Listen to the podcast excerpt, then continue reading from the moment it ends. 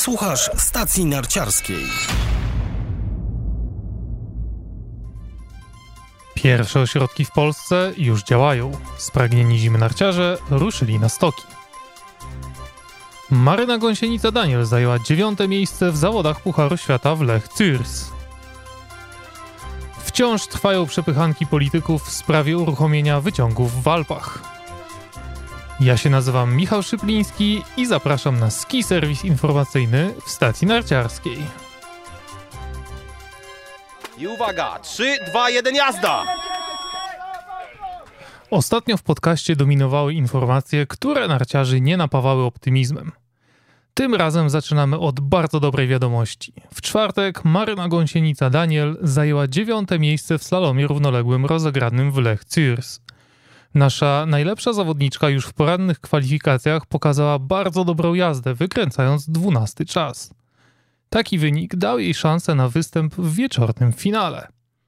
Tam niestety w pierwszej rundzie trafiła na doskonałą tego dnia Amerykankę Paulę Moltzan.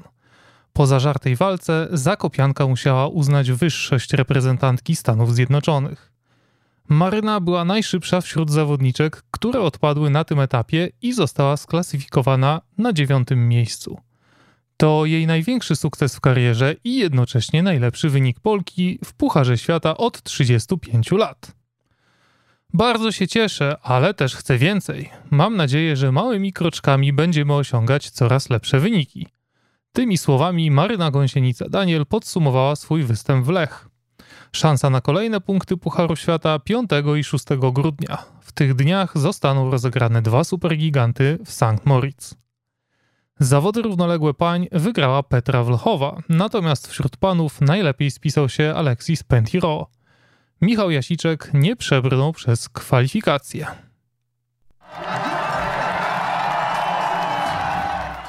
Chciałoby się powiedzieć wreszcie.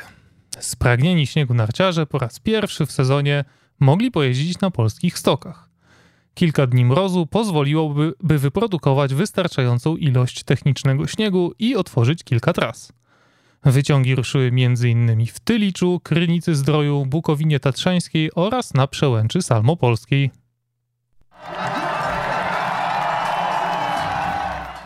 Wciąż nie wiadomo, co wydarzy się zimą w krajach alpejskich. W Europie uformowały się dwa fronty. Rządy Włoch, Niemiec i Francji chcą możliwie jak najbardziej opóźnić start sezonu narciarskiego. Giuseppe Conte, Angela Merkel i Emmanuel Macron chcą otworzyć stoki dopiero po nowym roku. Do takiego pomysłu przychylił się w piątek premier Węgier Viktor Orban, który podobnie jak Mateusz Morawiecki zaapelował do rodaków o rezygnację z zagranicznych wyjazdów w ferie. Premier Bawarii Markus Söder oświadczył, że chciałby wspólnego porozumienia na poziomie międzynarodowym. Żadnych otwartych wyciągów i żadnych urlopów na nartach w całej Europie.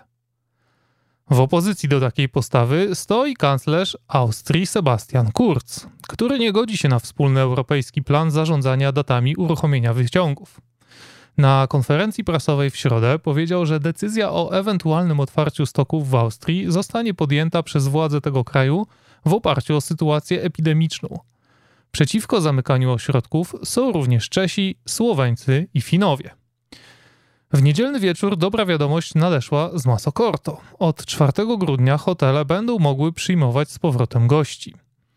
Dziś uruchomione zostaną wyciągi na lodowcu, ale wstęp na trasy zarezerwowany będzie wyłącznie dla zawodników przygotowujących się do krajowych i międzynarodowych startów. Mimo obiecanego komunikatu dla narciarzy amatorów, Włochy i Austria do niedzieli nie wydały żadnego oficjalnego oświadczenia w sprawie utrzymania lockdownu lub luzowania obostrzeń. Jedyny kraj alpejski, który jest w tej chwili otwarty na turystów, to Szwajcaria. Mimo utrzymywania się liczby zakażeń koronawirusem na bardzo wysokim poziomie, rząd nie zdecydował się na wprowadzenie zakazu funkcjonowania ośrodków. Nie ma też planów, by ograniczyć możliwość jazdy w dalszej części sezonu. Podobnie jak w Szwajcarii, narciarstwo uprawiać można w Szwecji. To drugi kraj, w którym nie ma żadnych ograniczeń wjazdu i wyjazdu dla osób podróżujących z Polski. Nie są też wymagane żadne testy.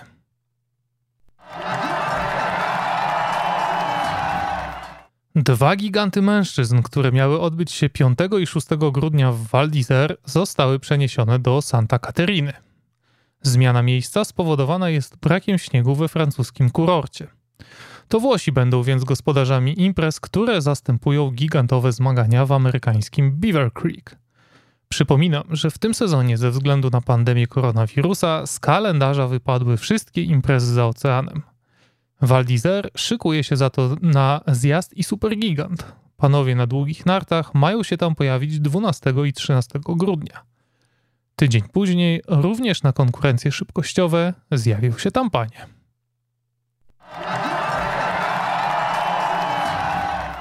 Ciekawostka dla fanów statystyki. Petra Wlchowa pobiła rekord zdobytych punktów Pucharu Świata po pierwszych czterech zawodach w sezonie. Po czwartkowym zwycięstwie w Lech Słowaczka ma ich na koncie już 360. Rok temu Mikaela Schifrin zgromadziła 340 punktów na 400 możliwych, a w sezonie 2012-2013 Tina Maze w tym samym momencie miała uzbieranych 310 oczek.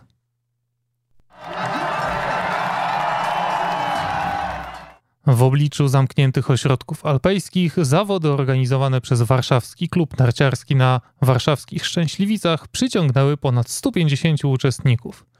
Trzecie eliminacje Warszawskiej Ligi Narciarskiej odbyły się w sobotę 28 listopada, a za sprawą Antoniego Zalewskiego, który zmobilizował grupę młodzieży policealnej, byłem tam i ja.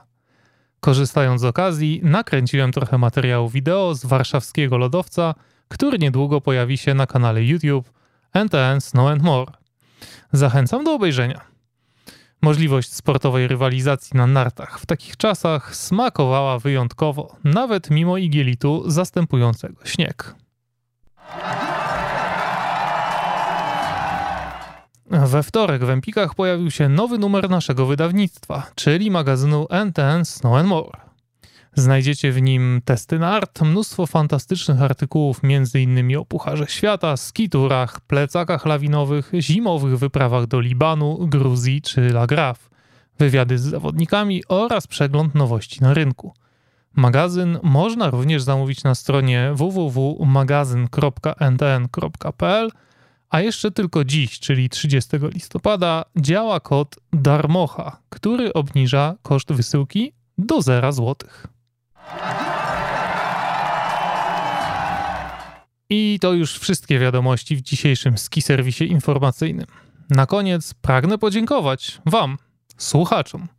W ostatni wtorek stacja narciarska znalazła się na pierwszym miejscu listy najczęściej odtwarzanych podcastów sportowych w Polsce. Bardzo się cieszę, że lubicie posłuchać mojej audycji. Przypominam, że co tydzień selekcjonuję dla Was najciekawsze informacje z narciarskiego świata. Żeby być na bieżąco, wystarczy kliknąć Obserwuj stację narciarską w Spotify, Apple Podcasts lub Google Podcasts. Zapraszam za tydzień na kolejną porcję narciarskich wiadomości. Do usłyszenia.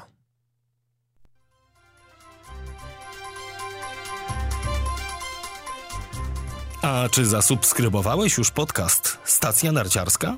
Jeśli nie, to na co czekasz? Szczegóły na stronie www.stacjanarciarska.pl